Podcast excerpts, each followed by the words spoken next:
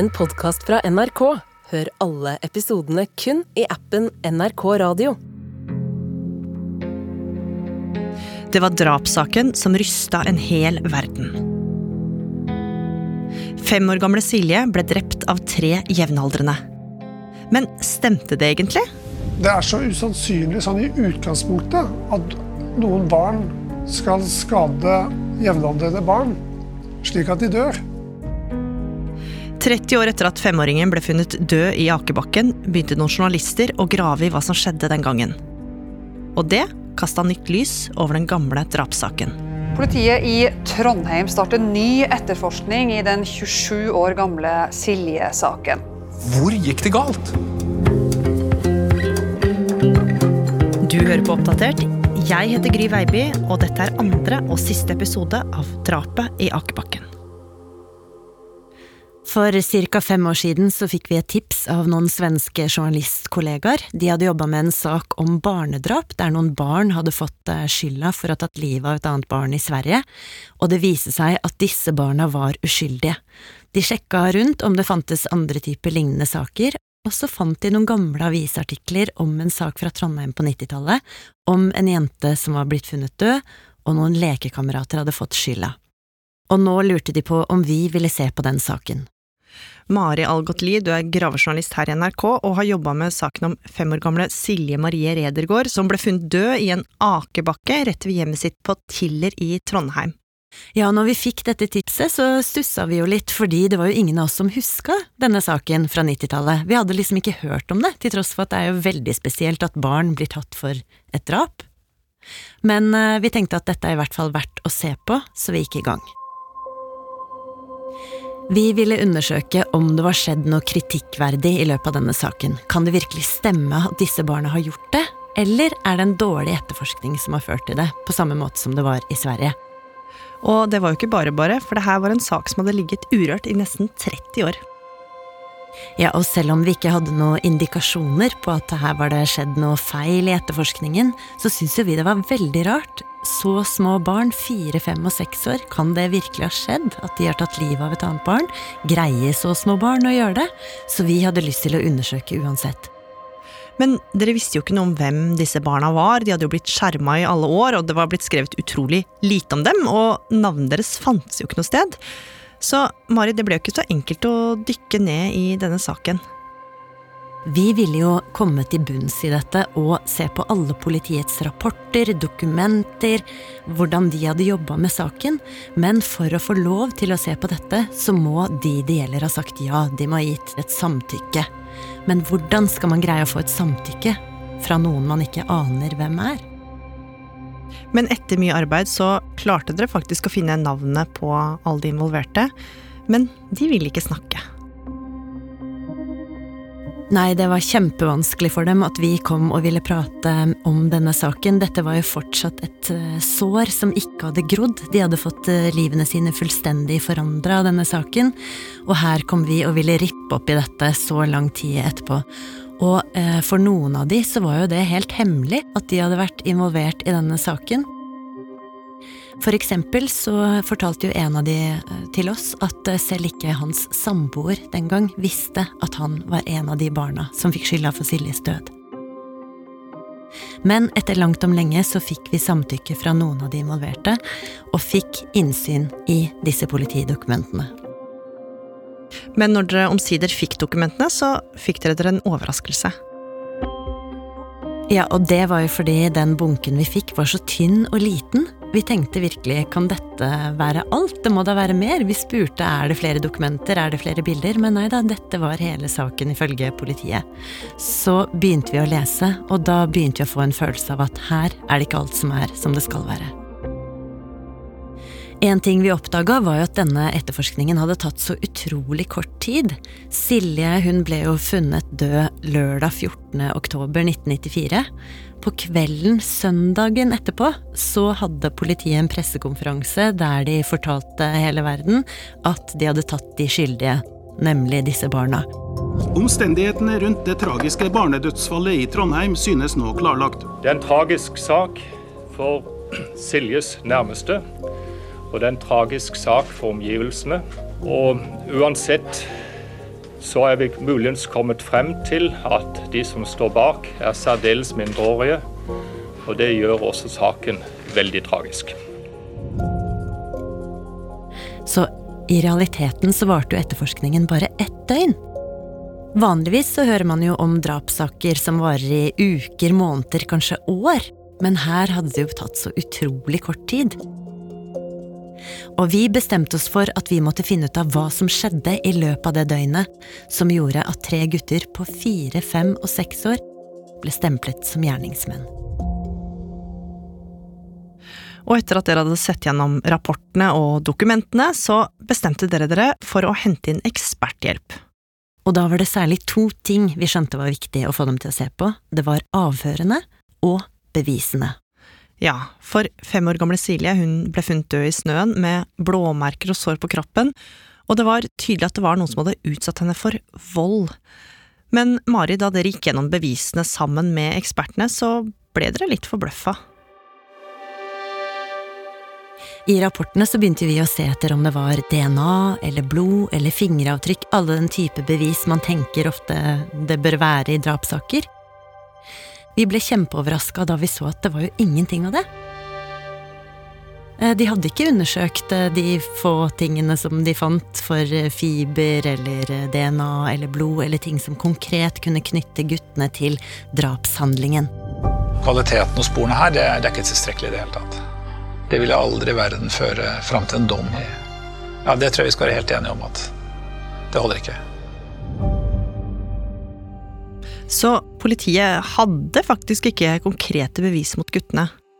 Det politiet hadde, som de mente var et bevis, det var barnefotspor i snøen. De skrev mye om at de hadde funnet eh, barnefotspor i snøen på åstedet som de mente var bevis på at det var barn og ikke kunne være større personer som tok livet av Silje. Men da vi begynte å lese nøyere i disse rapportene, så oppdaga vi at det stemte jo ikke. Det var ikke bare barnefotspor på åstedet. Det var også voksenfotspor, ungdomsfotspor, fotspor i alle størrelser. For det hadde vært masse folk i akebakken hele dagen før politiet kom. Men politiet valgte å legge vekt på at de hadde funnet barnefotspor. Og i tillegg så kunne jo ikke politiet bevise at barnefotsporene de fant, tilhørte fire-, fem- eller seksåringen. Det beviste jo bare at noen barn, eller noen med små sko, hadde vært i akebakken dagen Silje ble funnet drept. Så denne krimtekniske eksperten som vi fikk til å se på dette, han mente at dette holder ikke i det hele tatt som bevis for at guttene gjorde det. Det å utelukke andre aktører basert på de fotøysporene man har, synes for meg som at de har fått for stor betydning, og at de kanskje har hatt så stor betydning at saken nærmest har blitt styrt litt av den observasjonen. Så nå hadde dere på mange måter fått bekreftet at bevisene politiet hadde, egentlig ikke holdt mål.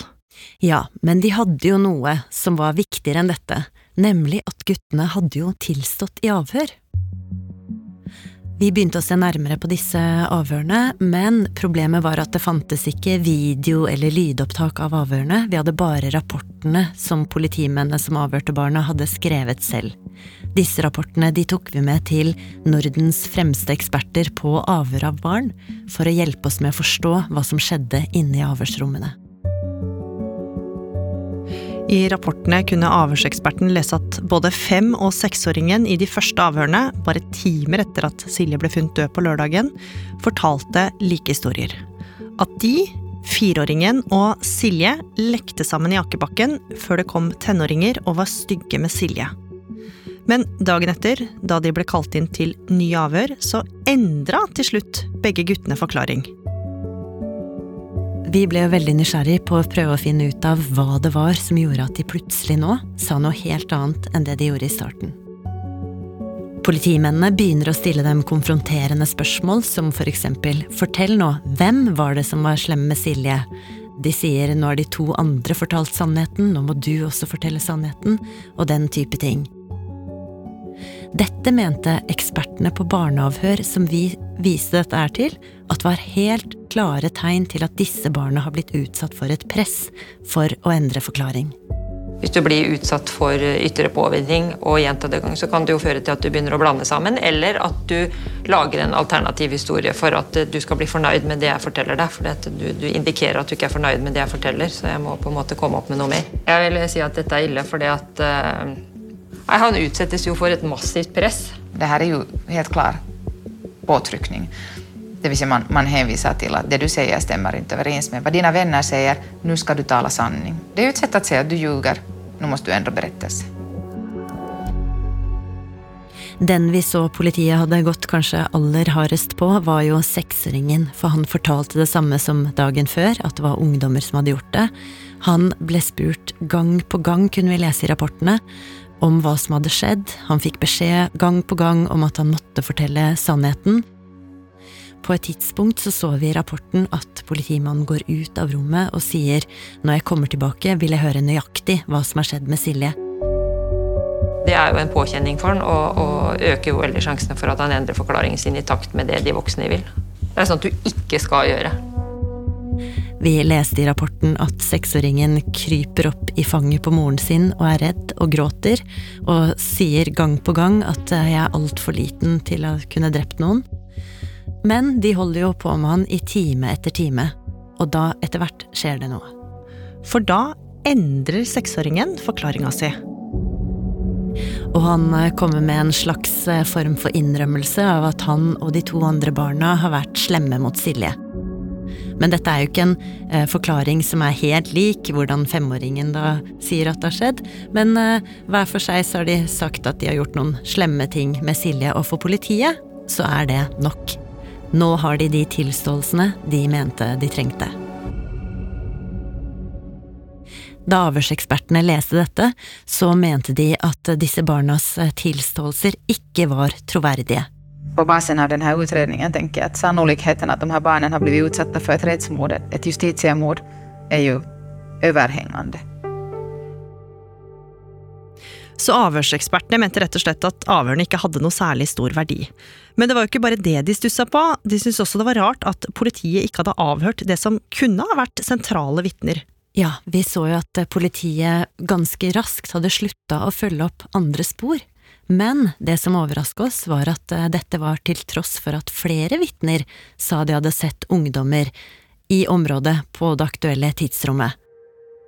Blant annet så fant vi et intervju i en uh, avis med en eldre dame som fortalte at hun har sett en ungdom med rød og svart jakke gå opp til akebakken leiende på en liten jente. Seksåringen hadde jo beskrevet en av disse ungdommene som en som hadde på seg en rød og svart jakke.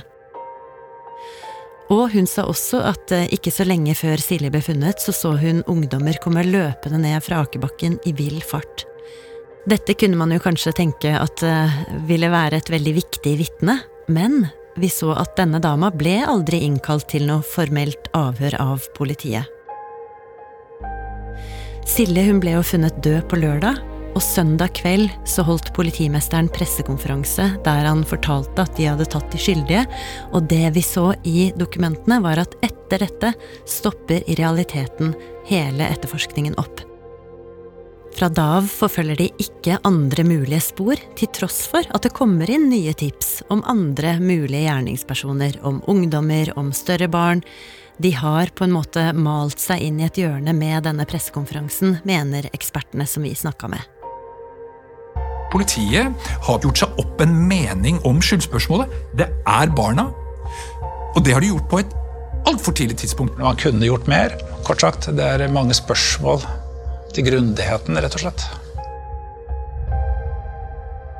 De tre guttene på fire, fem og seks år ble utpekt som de skyldige, men saken ble henlagt fordi gjerningsmennene var mindreårige.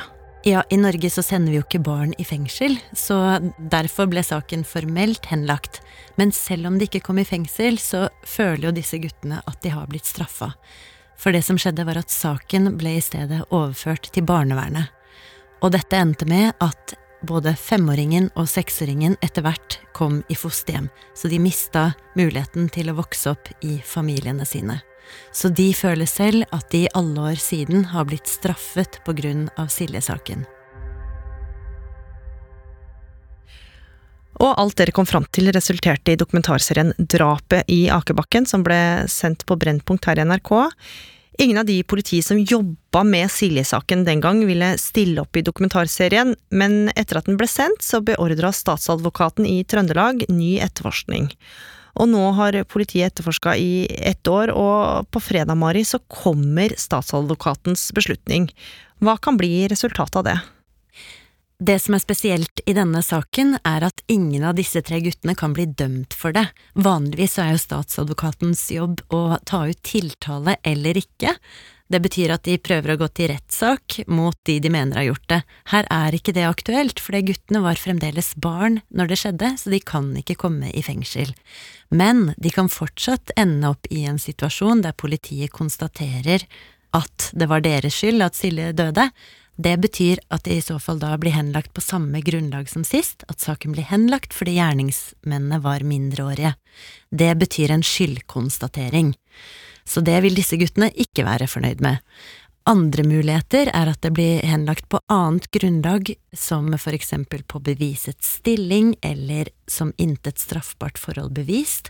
Det vil bety en form for renvaskelse at politiet ikke kan bevise at det var disse guttene som gjorde det. Det fins også en siste mulighet, at de tar ut en siktelse mot noen andre, at politiet har funnet noen andre de mener har gjort det. Hvor sannsynlig er det at noen andre vil komme inn i bildet da? Det kan jo i teorien skje, men det er jo veldig vanskelig å etterforske en sak så lang tid etter, særlig når ingen av bevismaterialene som ble henta inn den gang fins lenger. Men det var jo konkrete spor å etterforske den gang som ikke ble fulgt opp, så det er jo veldig spennende å se om politiet har gjort en ordentlig jobb denne gangen for å følge opp andre mulige spor. Etter at denne episoden kom ut, så har statsadvokaten i Trøndelag konkludert med at de tre guttene er uskyldige, og at politiet ikke hadde grunnlag for å peke på dem den gangen. Statsadvokaten skriver også at det ikke er mer etterforskning politiet kan gjøre for å gi svar på hva som skjedde med Silje.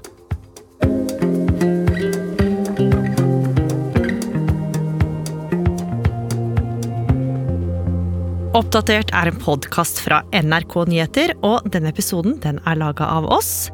Produsent Hanna Kolås. Teknikk og lyddesign Espen Bjørlo Mellem. Vaktsjef Ina Swann. Og jeg heter Gry Veiby. Programredaktør er Knut Magnus Berge. Klippene du har hørt, er fra NRK. Har du tips eller innspill, så må du gjerne sende oss en e-post. Adressen er oppdatert krøllalfa nrk.no. Hele historien. En podkast fra NRK. Mange pasienter frykter at de har blitt operert av legen som står bak feiloperasjoner på Sørland. I elleve år skjærer en lege i kropper uten å ha riktig utdanning. Så sier han bare 'det er koldbrann. Og så var det bare til med kniven og så kutter. På et lite sykehus blir flere titalls pasienter skadet for livet, og noen dør. Da tenkte jeg bare har han ødelagt hele livet for meg. Hør kirurgen i appen NRK Radio.